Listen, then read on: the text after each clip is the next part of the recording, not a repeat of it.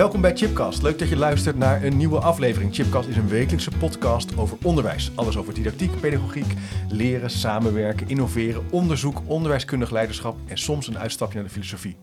En vandaag ben ik te gast bij Voortgezet Speciaal Onderwijsschool De Hoge Brug in Rotterdam. Een school voor ZML-onderwijs en dat staat voor zeer moeilijk lerende leerlingen, waar ongeveer 150 leerlingen naartoe gaan. En deze aflevering maak ik in samenwerking met de gemeente Rotterdam. We maken een speciale aflevering over de samenwerking tussen ouders en school als het gaat om kinderen en jongeren met een beperking. Wat is er nodig om dit te organiseren? Hoe blijf je bewust elkaars perspectief zien en ook erkennen? Nou, check voor meer informatie over het samenwerksverband Koers Voortgezet Onderwijs Regio Rotterdam, www.koersvo.nl of check onderwijs010.nl via de speakernotes. En in deze podcast ga ik in gesprek met uh, Karin Katsman, ondersteuningscoördinator bij de Hoge Brug in Rotterdam. Wij zitten in jouw kantoor. Dat klopt. Hartstikke leuk. Jij werkt al 44 jaar in het onderwijs, dankjewel. Best een tijd. Zeker, ja, ja. Fantastisch. Dus je hebt veel meegemaakt, daar gaan we het uitgebreid over hebben. En naast mij zit Annemarie Rodenburg, beleidsmedewerker bij Koers VO. Maar je bent ook moeder van een zorgintensieve zoon van 23. Ja, dat klopt. Ja, dus ik noem jou toch ook wel ervaringsdeskundige. Ja, dat mag zeker, ja. ja, dankjewel uh, dat we met jou hierover in gesprek mogen gaan. Uh, dus je hebt, uh, ja, uh, jullie hebben ook samen natuurlijk een en ander met elkaar beleefd en al samengewerkt. Zeker hebben wij dat. Een aantal jaren geleden kwam Annemarie een keer op een open dag met haar man en een zoon. Wat achteraf niet de zoon bleek te zijn die voor onze school daarna leerling is oh, geworden. Um, en zij waren op zoek naar een nieuwe school voor hun zoon. Ja, en hoeveel jaar was het geleden? Uh, dat was volgens mij januari 2016. 2016, ja. ja. Dus hij was toen al bijna 16. En uh, wij dachten niet van... Uh, het is mogelijk om een andere school te vinden. Hij had het niet meer zo goed op zijn andere school. Hij hm. voelde zich daar niet meer prettig. En ehm, nou, toen zijn we gaan zoeken. Hadden niet het idee dat we op deze leeftijd nog ergens binnen konden komen. Maar op de open dag werd er gezegd... nou, kom maar een keer langs. Oké. En wat, wat, bedoel je dan met binnen kunnen komen op, op die leeftijd? is hij dan al te oud? Nou, de meeste kinderen denk ik, maar dat kan Karin beter vertellen. Die zitten hier toch wel gewoon van 12 tot 20 en soms. Ja. Uh, dat klopt, in ieder geval tot 18. Ja. Uh, soms stromen ze wat eerder uit. Um, maar er komen ook wel, niet alleen door een verhuizing, maar soms ook inderdaad wel omdat leerlingen het op hun eigen school niet meer zo naar hun zin hebben. Of ouders denken van dat een andere school misschien wat meer passender zou kunnen zijn. Uh, komen ze tussentijds kunnen ze nog instromen. Ja. ja. en het was ook op een raar moment in het jaar. Oh ja. Het was uh, in januari en een schooljaar begint natuurlijk in augustus. Dus ja, ja, ja. dan is dat wel bijzonder om, uh, om nog binnen te kunnen komen. En dat is toen na de voorjaarsvakantie ook gebeurd.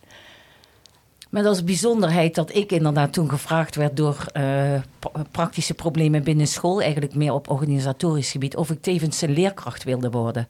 En oh, dat ja. was eigenlijk een hele tijd geleden voor mij dat ik, in, dat ik uh, uh, groepsleerkracht was. Want op dat moment werkte ik al als zorgcoördinator, zoals dat in die tijd heette.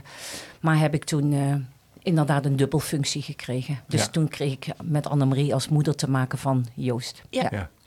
Ja, en wat ik heel leuk vond was dat uh, Karin uh, zoiets had van... Uh, nou, ik hoef nog niet alle informatie van Joost... maar ik wil gewoon dat je een keer met hem langskomt. En dan gewoon eens even zien of het iets zou kunnen zijn. Oh ja. Het is heel open en heel... Gericht ja, op kennismaken eigenlijk. En, welkom. Ja, ja. ja. Want hoe is dat dan als, als ouder om dan een school te zoeken? Als je dus ja, toch wel wat extra uitdagingen brengt met zich mee om een goede plek te vinden... Voor je, hoe, hoe, ga je dan te werk? Ga je dan gewoon googlen uh, van ja, waar kan ik naartoe? Hoe is dat toen gegaan? Ja, nou Herinner goed, je dat ik nog? Had nog? Ja, ik had natuurlijk nog wel het voordeel dat ik uh, bij het samenwerkingsverband werkte en daardoor ja. wat meer beeld had van scholen. Maar er is inderdaad een website waar je scholen op kan vinden. Ja. En um, ja, dan blijft het toch ervaren. Dus wij gingen heel open inderdaad met onze jongste zoon naar de open dag van de Ja. Om gewoon maar eens even te kijken van hoe voelt dit? Ja. Uh, zou dit misschien beter passend kunnen zijn? En we hadden, hadden, de oudste zeg maar bewust ook niet meegenomen, omdat we zoiets hadden van... Uh, ja, hij zit al niet lekker in zijn vel. Mm. En als we dan nu al te horen krijgen van dit kan helemaal niet, dan hebben we weer een teleurstelling. Ja, ja, dus dat speelt al mee. Ja, dus dan ben je toch al heel alert over gaan nadenken van wat is dan... Ja, strategisch voor hem, in, zijn hem, ja, in het belang van hem. Ja. ja. En, en, en wat, uh, hoe kijk je dan als je zo'n school binnenkomt? Of hoe gaat dat? Voor mij is het vooral voelen. Ja. Eh, hoe, hoe, wat, wat zie ik, wat voel, nou, wat voel ik in het gebouw? Wat zie ik hoe mensen met elkaar omgaan? Ehm, hoe zie ik dat de kinderen hier eh, rondlopen? Hm. Ehm, ja, ik denk dat dat los van welke school dan ook bijna altijd is wat je doet als ouder. Ja. Als je Ja. kind naar een school gaat. Ja. Ehm, en hier heb je misschien door alle ervaringen net wat meer je, voel, je voelhorentjes uit. Of, ja, Ja, ja, ja. Nee, ik kan me dat voorstellen. omdat je je kind gewoon heel goed kent en eh, daardoor beter kan inschatten eh, ja, wat past. Wat gaat werken en wat Ja. gaat passen. En herken je dat, Ja. Karen? Dat ouders, eh, wa- wat, zie jij dan als, als professional, hoe ouders jouw school binnenkomen? Sowieso is het nu al anders, want we werken helemaal niet meer met open dagen. Nee? Ehm, we maken liever individuele afspraken met de ouders, eh, Hm. omdat het dan ook niet ehm, een geregistreerd da- eh, draaiboek eigenlijk is wat je voor die dag speciaal eh, uitvoert.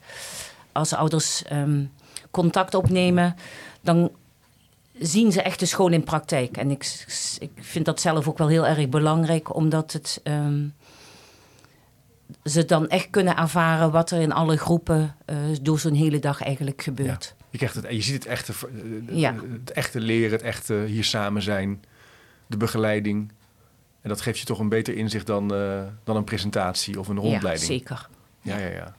En waar had jij, heb je nou specifieke dingen waar je ook op hebt gelet? Of waar je ja, ervaringen waar je van zegt, ja, dat is, daar, daar, daar Nou, keek- voor mij was het echt het allerbelangrijkste of die welkom zou zijn.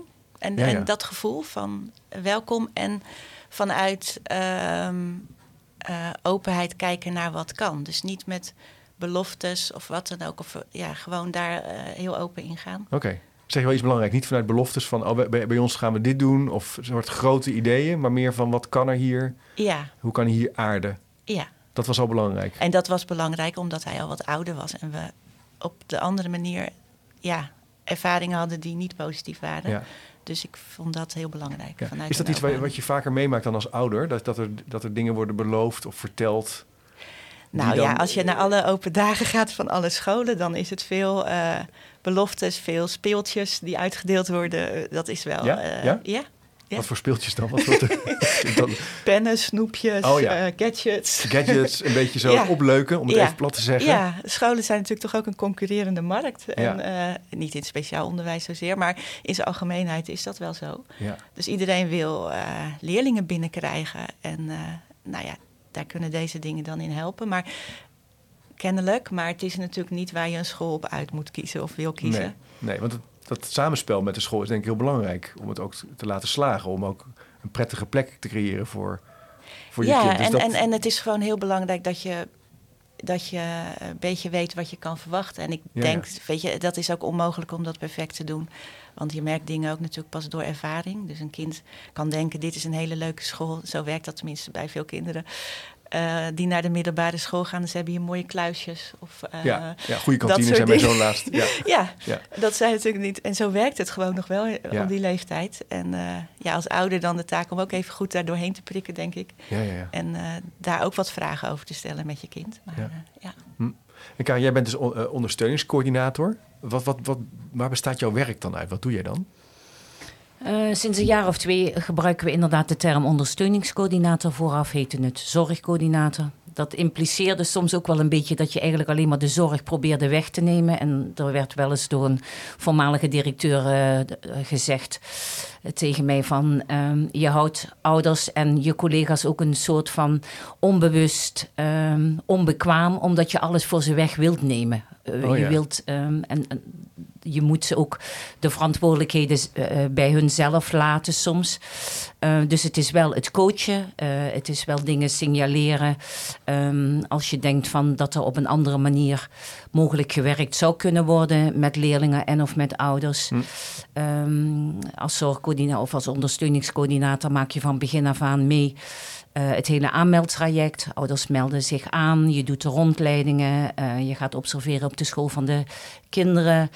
Ehm, je houdt de intakegesprekken met ouders. En je bent eigenlijk altijd een vraagbaak door alle jaren heen voor de ouders. Heb je dan ook veel contact met de ouders?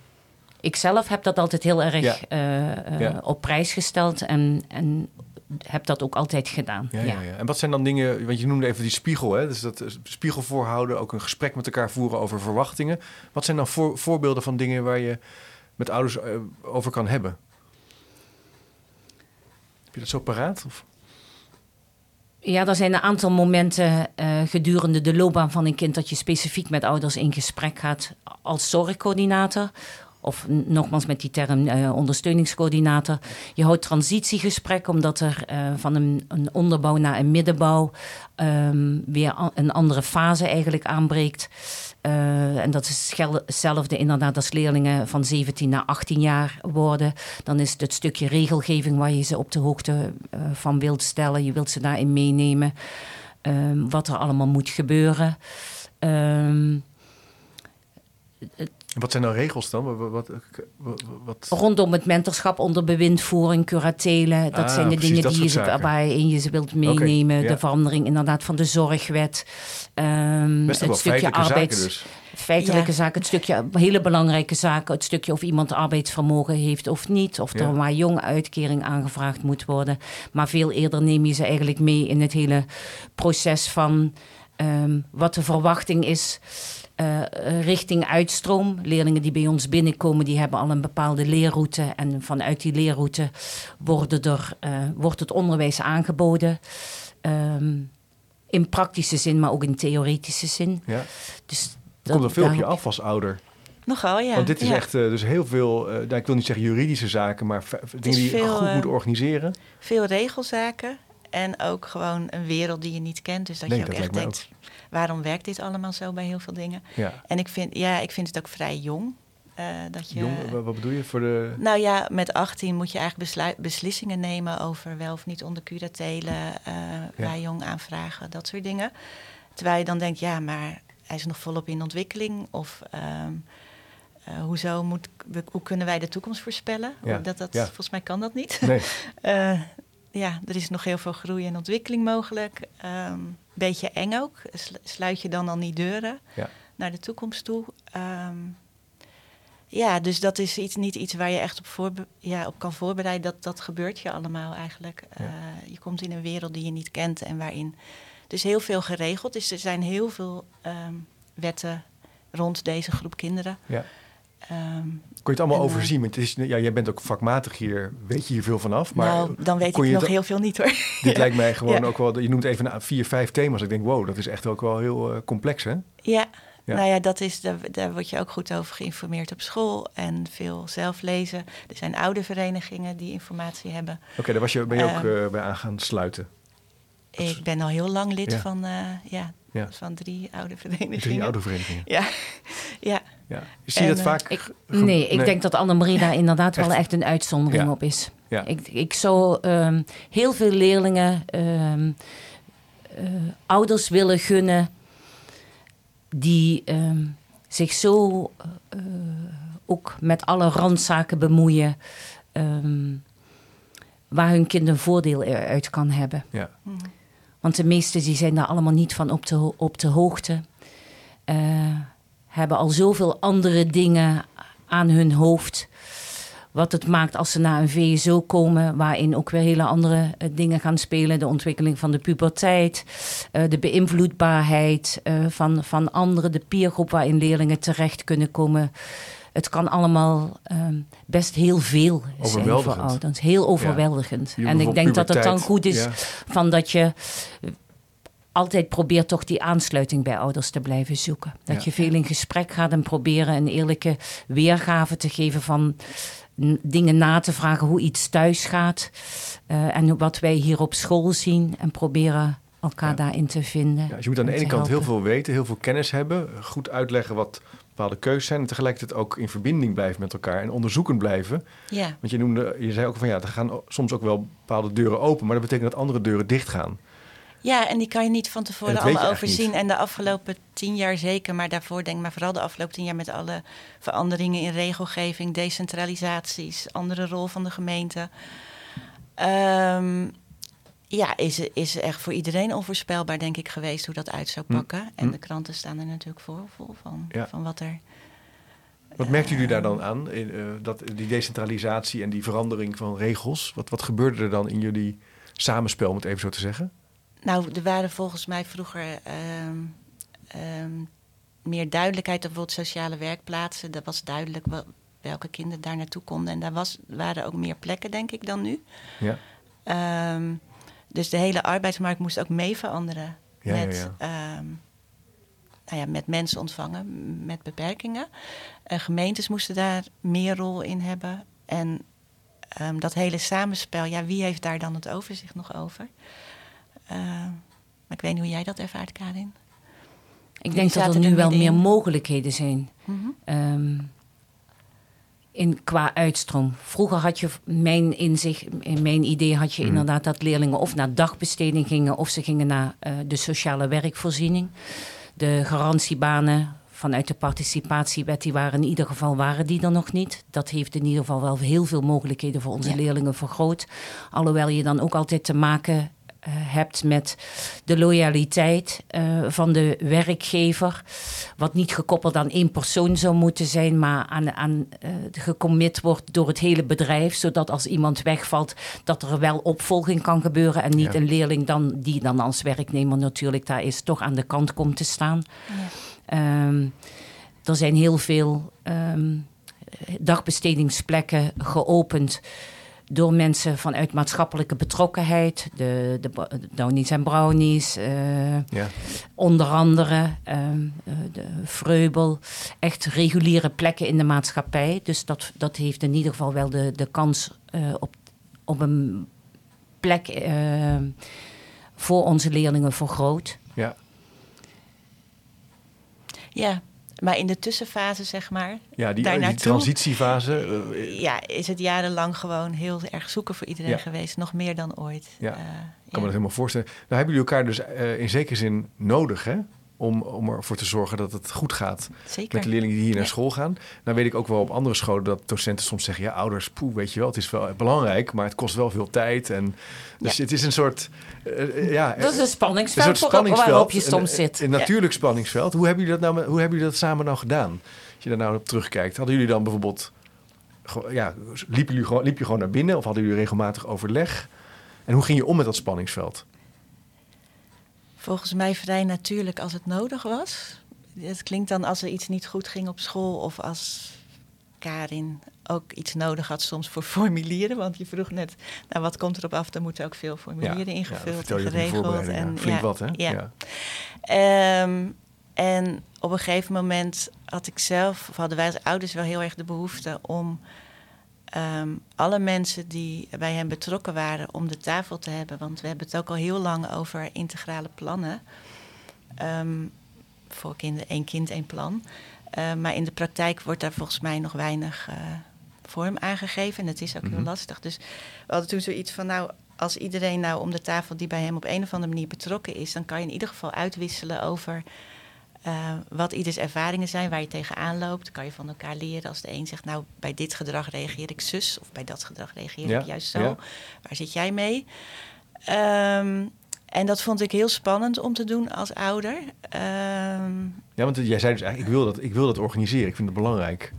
Was, ja. dat, was dat, wat maakte dat het spannend? Of überhaupt het feit dat al die mensen bij elkaar de, kwamen? de hoeveelheid rollen die je dan hebt uh, als ouder. Je bent niet alleen moeder, je bent dan op dat moment een soort van voorzitter van een overleg. Oh ja. uh, op een laatste moment is, is Joost er nog uh, bijgekomen. En dat is de zoon. En um, die vond dat ook heel goed. Maar goed, ook dat is weer van, dan zit je daar als moeder. Maar je, je moet ook, dus het is best wel ja, noem je dat? Wij vonden dat, wij vonden dat als school zijnde wel heel bijzonder dat jij dat deed. Um, en net wat je ook aangeeft met eigenlijk de achterliggende reden van dat je dan ook um, hoorde waar, uh, wat de doelen waren die de andere betrokkenen, ja. um, waar ze mee werkten. Ja, ja, en dat je dat kon gaan proberen of je dat binnen je school eigenlijk ook uh, aan kon, aan kon vullen daar eigenlijk in. Ja. Ja, op een gegeven moment hadden we bijvoorbeeld dat um, hij weinig gevoel had met zijn lijf. Dan, dan hè, zeggen mensen, kan je iets gaan doen aan lichaamsbewustzijn ja. uh, ontwikkelen. Uh, maar goed, hoe doe je dat dan? En wat past dan? En toen hadden we het over yoga. En uh, hier op school was er ook een groep met yoga. Maar ja, zijn gevoel met zijn lijf was nog veel minder dan de andere kinderen. Dus, dus dat was toch altijd een beetje, ja, wel grappig, maar niet altijd misschien het meest helpende. En toen uh, zei Karin in zijn overleg: Oh, maar we hebben ook nog uh, uh, soms in kleine groepjes. Duwen, ja. En oh ja. nou, toen is hij dat gaan doen en dat, dat is, hij heeft heel goed uitgepakt en hij vond het ook leuk. En, ja, dat zijn eigenlijk dus wel mooie dan, voorbeelden. dan kan je elkaar zeg maar uh, versterken in het Ja. geheel. Ja. En uh, redenerend vanuit dat kind. Het vraagt, en het vraagt wel tijd voor ontmoeting en voor onderzoek. En Ja. zo'n kleine kwestie van, eh, eh, van je lichaam beter leren kennen. Moet je dan een beetje uitpuzzelen met elkaar. En, eh, en dat, Ja. is natuurlijk, dat staat ook wel haaks op die systeemwereld die er ook is. Die, ja, die ook wel voorwaarts gaat. Dus dat moet je soms een beetje zo eh, Nou ja, dat is het hele ding. Dat, organiseren. ja, het hele ding is natuurlijk dat iedere organisatie en iedere professional vanuit zijn eigen kaders zijn dingen doet. En dat is begrijpelijk. Maar het komt allemaal neer bij, dat, bij die ene persoon. Mhm. En die moet daar dan bijna chocola van zien te maken. Ja. En ik denk dat het andersom zou moeten zijn. Ja, hoe bedoel je andersom? Eh, Nou, dat ehm, die persoon het uitgangspunt is en dat Ja. alle betrokkenen daaromheen met elkaar samenwerken Ja. eh, om ontwikkeling en groei te stimuleren. Mooi. Hoe is nou het onderwijs hier op hoofdlijnen georganiseerd, Kaan? Kan je er iets over vertellen? Dat is natuurlijk een beetje een grote vraag, maar toch even voor de luisteraar die denkt, wat, hoe, hoe gaat dat ongeveer? Ehm, een leerroute 2, dat is de verwachting dat leerlingen TZT uitstromen naar activerende dagbesteding. Leerroute 3 is arbeidsmatige dagbesteding, CQ beschut werk. Leerroute 4 begeleide arbeid en leerroute 5 vervolgonderwijs. Ehm, we hebben st- eh, stamgroepen eh, waar leerlingen eh, met maximaal 10, 12 leerlingen in zitten. Mhm. Die deel je in in of ze meer eh, ondersteuning, begeleidingsbehoefte hebben. Dat ze twee jaar lang in één klas kunnen zitten waar het hele onderwijsprogramma, zowel in praktische als in theoretische zin, zich afspeelt. Dan hebben we een, een basisgroep waar voornamelijk de ZML-leerlingen in zitten. En een groep van leerlingen met een achtergrond vanuit het praktijk, het SBO-onderwijs, met een hoger cognitief niveau. Ehm, het onderwijs vindt zich voornamelijk inderdaad in de eerste drie jaren plaats binnen onze school. En daarna gaan we met de Ja. leerlingen voornamelijk naar buiten toe. Veel werkervaringsplekken. De sport die zich in eerste instantie op school eh, plaatsvindt, die vindt dan in de buitenwereld plaats. We gaan naar reguliere sportscholen, naar de atletiekvereniging, naar eh, culturele, eh, culturele uitstapjes. We zijn een voorstander om eh veel dingen te onderzoeken, eh, wat tot de mogelijkheden behoort voor de leerlingen, in plaats van te denken in eh, wat niet kan, in de beperking. Eh, en vanaf 16, 17 zoek je naar individuele stageplekken voor de leerlingen in al die uitstroomrichtingen. Ja, ja. Helder. En uh, Annemarie, is het, we, hadden het in de voorbereiding ook over dat dit een hele, belangrijke activiteit die zou worden geschetst. Maar dat er soms ook nog wel een soort, ja, dat cognitieve, eh, of het blijven leren, dat is natuurlijk Mm. ook iets heel, wat heel belangrijk is ook voor een ouder, denk ik. Hè? Dat je, en dat werkt. Als dat als het bij kan, jouw hè? kind. Ja, Ja, en dat lijkt me een soort zoektocht waarvan je niet Zeker. helemaal weet. Hoe heb je dat ervaren? Eh, Nou, als een, als een echt zoektocht. als een, soort puzzel? Ja, omdat er natuurlijk, eh, en dat is logisch, een school heeft zijn programma en zo is het ingericht. En hè, er, zit een, er zit een volgorde in. Eh, maar dat is niet altijd een passende volgorde bij de ontwikkeling van jouw kind. Hm. En ehm, ja, bij ons is er ook sprake van autisme en dat is wat vertraagde ontwikkeling. Dus ik had dan altijd zoiets, oké, als je dan ehm, zeg maar pas later gaat leren, dan zal je toch ook wel langer mogen leren. En zo zit het Ja. dan niet in Ja, elkaar. ja, precies. Want En nog jaar- langer mogen leren bedoelde jij eigenlijk meer in het, in het leren. taal, Ja, eh, dat dat, klopt. soort dingen. Ja, ja, ja, ja. want dat, dat, Ja. dat, dat verloopt niet zo lineair, zeg maar. En, en, Nee. eh, nee, maar dan, en dan loop je weer tegen die grens aan van wat is organiseerbaar. Ja, en hoe is het georganiseerd? En hoe is het georganiseerd? Want het is georganiseerd vanuit wat Karin net zegt, uitstroombestemmingen. Die zijn ook door de inspectie eh, je- Ja, je- je- vastgesteld. Ja, Dus je redeneert een soort vanuit de toekomst naar het nu. ja, ja. ja. En op een gegeven moment ja, hebben wij wel de conclusie getrokken om hem zeg maar ook eh, gelukkig te houden en, en voor zijn welzijn. Om vanuit het nu te redeneren naar een onbe- onbekende toekomst. En dat maakt ook niet meer uit. Mooi. Dus, je, je, inderdaad, je, dus de, je redeneert vaak vanuit de toekomst naar het nu. En jij zegt eigenlijk, je moet soms ook in het nu blijven. Ja, als En je nog ziet dat er. En dat is lang niet voor alle kinderen. Nee, nee, precies, ik weet dat, dat- het soms ook heel duidelijk kan zijn. Ja, Maar in het geval dat dat niet zo is en je eigenlijk nog heel erg aan het zoeken bent en ja, je kind zelf ook aangeeft: ik wil, Nou, hij wilde bijvoorbeeld ook aardrijkskunde leren en topografie en dat soort dingen. Ja. En dat zijn Ja. we dan maar gewoon via Scula. Dat, eh, ik Ja. ben niet eh, aandeelhouder van Scula, maar Dat, eh, heeft- heeft geholpen, ja. Er zijn natuurlijk al tal van platforms waar je dan gebruik van kan maken. ja. En, en hoe zie jij dat, Karen? Dat, dat punt van, jij hebt heel veel leerlingen nu gezien. Je hebt 44 jaar eh, vlieguren, zeg maar, eh, gemaakt. Hoe kijk je naar dat, dat punt van vanuit die toekomst? En je, moet, je moet paden hebben. En tegelijk moet je ook naar het nu blijven kijken. Eh, Oeh, dat is een hele moeilijke Ja, vraag wat- wat- om wat- daar antwoord op te geven. Ehm, ik denk dat de kaders zeker belangrijk zijn. Eh, vanaf het moment dat ehm, Joost bij ons van school is weggegaan, zijn er, is, er een, is het in ieder geval zo van dat er. ehm, dat wij ons als school, als team zijn gaan bekwamen middels het volgen van Geef me de Vijf training. Dus op het gebied van autisme hebben we ons zeer zeker ehm, eh, geprofessionaliseerd. Omdat we er ook achter kwamen dat dat dus weer een specifieke doelgroep is die een andere manier van leren eigenlijk vraagt. ja.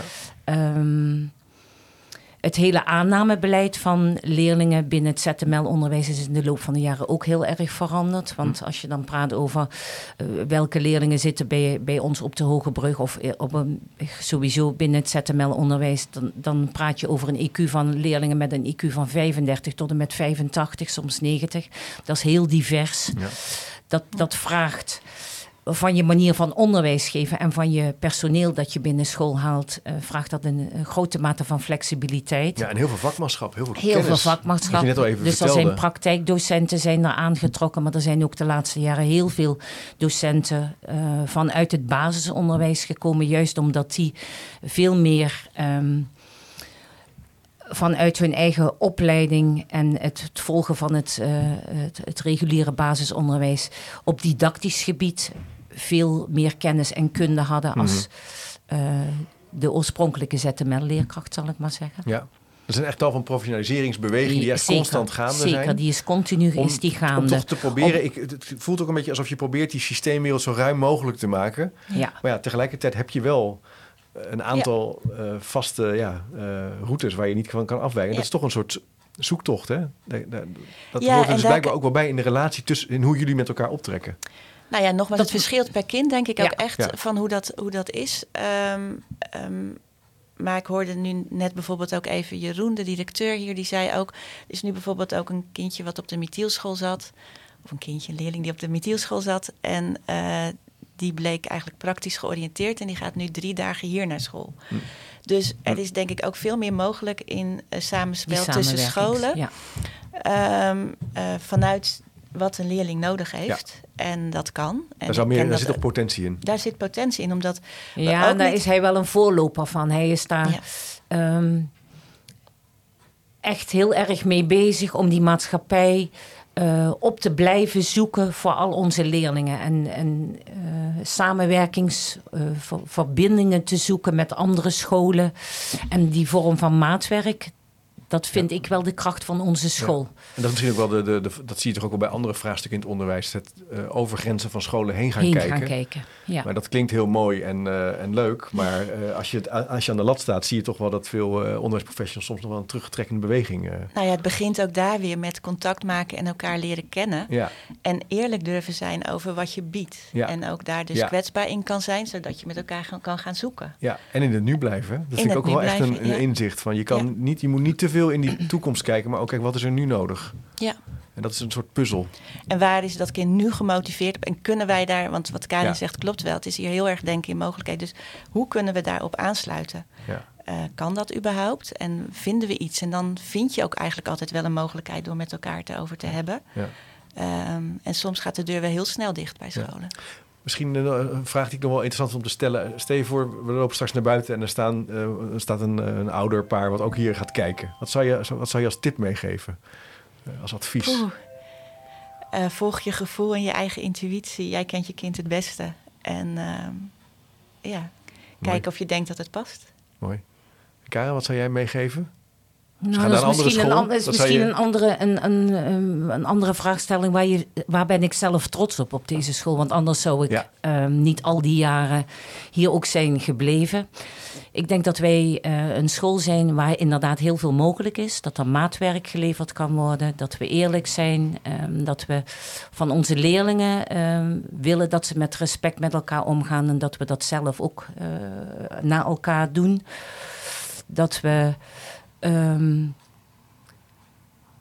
niet alleen uh, het didactisch onderwijs beter uh, vorm hebben gegeven de afgelopen jaren, maar ook uh, het stukje uh, burgerschap en vrije tijdsbesteding en, en cultuur. We halen veel uh, mensen de school binnen die clinics geven of we gaan naar clinics toe om de wereld te vergroten voor hm. onze leerlingen. Dus laat ook echt zien wat je goed doet. Ja, wat je goed, waar je plezier aan beleeft. projecten inderdaad. Ja. Om de maatschappij ook te laten zien waar onze leerlingen allemaal toe in staat zijn. Mooi. De flexibiliteit die iedereen eigenlijk heeft. Um, we zijn een rots- en waterschool waarin we eigenlijk uh, um, leerlingen proberen weerbaarder te maken, ja, wat zo ja. belangrijk is. Ja. Dus ja, ik heb altijd met heel veel plezier. Uh, dat is mooi. Dus aan de ene kant luisteren naar je gevoel. Hè? Dus durf ook te kijken naar wat er is en of het bij je past. En tegelijkertijd ook kijken naar de school van waar zijn ze goed in. Ook concreet ja. kijken concreet inderdaad maken, wat ze aanbieden. Ja, waar, zeker. Zitten, waar zitten, zoals bij andere scholen eigenlijk ook. Hè? Sommige scholen hebben een heel creatief profiel. Andere school heeft misschien een wat meer beta profiel. En daar kan je dus ook naar blijven kijken. In die zin verandert dat toch ook weer niet. Maar wat, Annemarie, wat vind jij nou dat, dat onderwijsprofessionals... Um, moeten weten of scherp moeten hebben als het gaat over die samenwerking en dat samenspel tussen jullie? Nou, wat, wat volgens mij super belangrijk is, is om te weten dat uh, ouderschap kwetsbaar maakt. Dus uh, als ouder uh, wil je altijd dat het goed gaat met je kind. En we weten allemaal dat dat bij niemand ook 100% altijd zo is. Nee. maar dat is wel een belangrijk punt om rekening mee te houden. Uh, het is ook belangrijk om te realiseren dat ouders het beste voor hebben met hun kind. Ook al lijkt dat misschien soms niet zo als professional. En uh, ouders uh, die zijn gewoon verantwoordelijk hun leven lang voor hun kind. Of het nou een zorgintensief kind is of niet. Alleen bij zorgintensief eh, duurt dat, ehm, zeg maar, ja, of is het intensiever. En alsof ze, ja, minder volwassen. Dus het loslaten is een, is een ander verhaal bij een zorgintensief kind. Je laat anders los. Een ander kind. Ja. ja. ja, Want het loslaten is ook weer bij professionals eigenlijk. En, um, ja, je laat los bij professionals. Bedoel je ja, dat? Ja, en professionals die, die hebben natuurlijk ook allemaal hun eigen ervaringen en kennis. En um, nou, daar zijn we ook best wel regelmatig tegen aangelopen. Ja. Um, op een gegeven moment krijg je bijna zoiets, wie is de baas of zo? Terwijl het jouw kind is. En um, dat is lastig. Ja. En um, ik denk dat mensen zich daar dus ook niet altijd bewust van zijn. Het kan, jij zei de voorbereiding van ouders zijn echt cruciaal hè? Uh, op school. Ja, dat Die hebben een hele, ook echt. En, ja. Dus, dus herken jij dit, dit, dit, deze reflecties? Ja, dat, her, dat herken ik zeer zeker.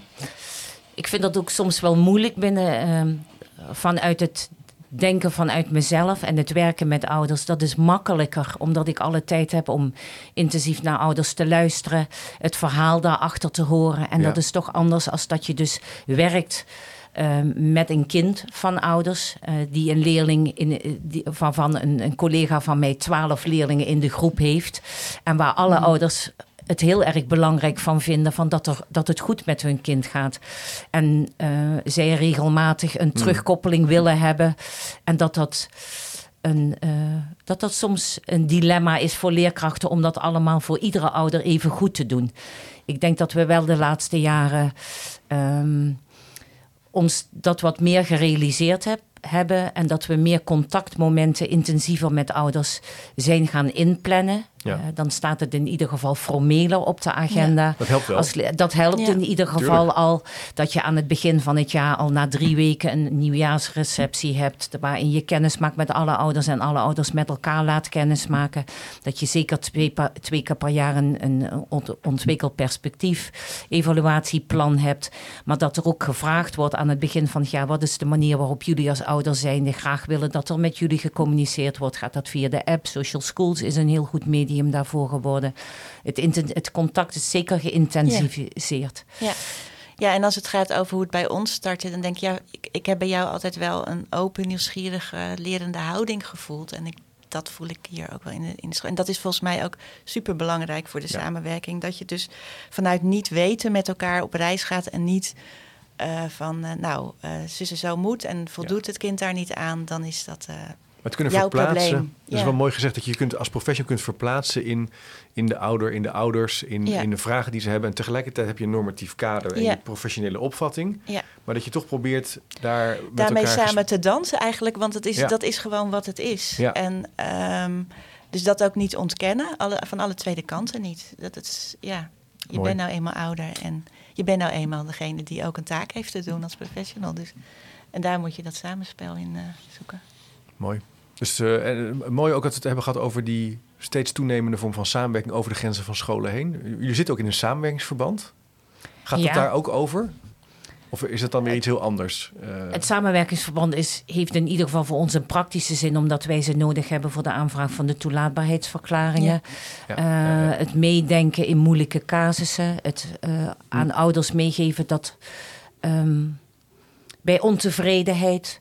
Eh, of als ze er eh, zelf op zoek zijn naar andere scholen, dat, ze, dat er ouderconsulenten bestaan bij het samenwerkingsverband, Ja. dat ze daar contact mee kunnen opnemen. Zo'n soort netwerk van Het professionals. is zeer zeker. Ja. Ja. Ja. Mooi, nou ik vond het interessant om met jullie hierover eh, van gedachten te wisselen. Eh, er is ook overigens een prachtige theatervoorstelling hè, die hierover Zeker. gaat. Die heet Broos. En die Ja. draait nu ook, of die, ja, hoe zeg je dat? Die speelt nu. In het voorjaar. gaat voorjaar? die, eh, ja. Eh, ik zal even een linkje plaatsen naar, in de speaker notes. Dus als je denkt, hé, hey, ik wil iets heel moois zien, dan eh, kunnen we denk ik wel aanraden om daar naartoe te gaan. Ja, het is voor ouders van zorgintensieve kind in eerste Ja. plaats en professionals die bij hen betrokken zijn en eh, naasten. En ehm, via ehm, de website van Matse Producties is die te boeken. Nou, deze aflevering is tot stand gekomen in samenwerking met de gemeente Rotterdam. Het was dus een speciale aflevering over de samenwerking tussen ouders en school als het gaat om kinderen met een beperking. Meer informatie over het samenwerkingsverband Passend Onderwijs, Voortgezet Onderwijs Regio Rotterdam vind je op koersvo.nl of check www.onderwijs010.nl via de speaker notes. Bedankt voor het leuke gesprek. Bedankt dat ik hier te gast mocht zijn. Ja. Graag gedaan. Ja. tot de volgende keer. En vandaag ben ik de gast bij Voortgezet Speciaal Onderwijsschool De Hoge Brug in Rotterdam. Nou, je hoort het al, hè? Misschien eh, toch even wachten? Dat is, eh, dat Oh, je- en dat wilde ik net zeggen. Toen ik zat al te kijken, want Ja, we zouden ja, kwart, ja. voor, een kwart voor beginnen. Ja, En toen dacht ja. ik al, daar gaat een bel voor de pauze. Ja, Ik dacht, jij, ik dacht jij gaat nu zeggen, kijk de bel. ja ik, ik, ik dacht, zal ik dat doen? Ja, ding, ding.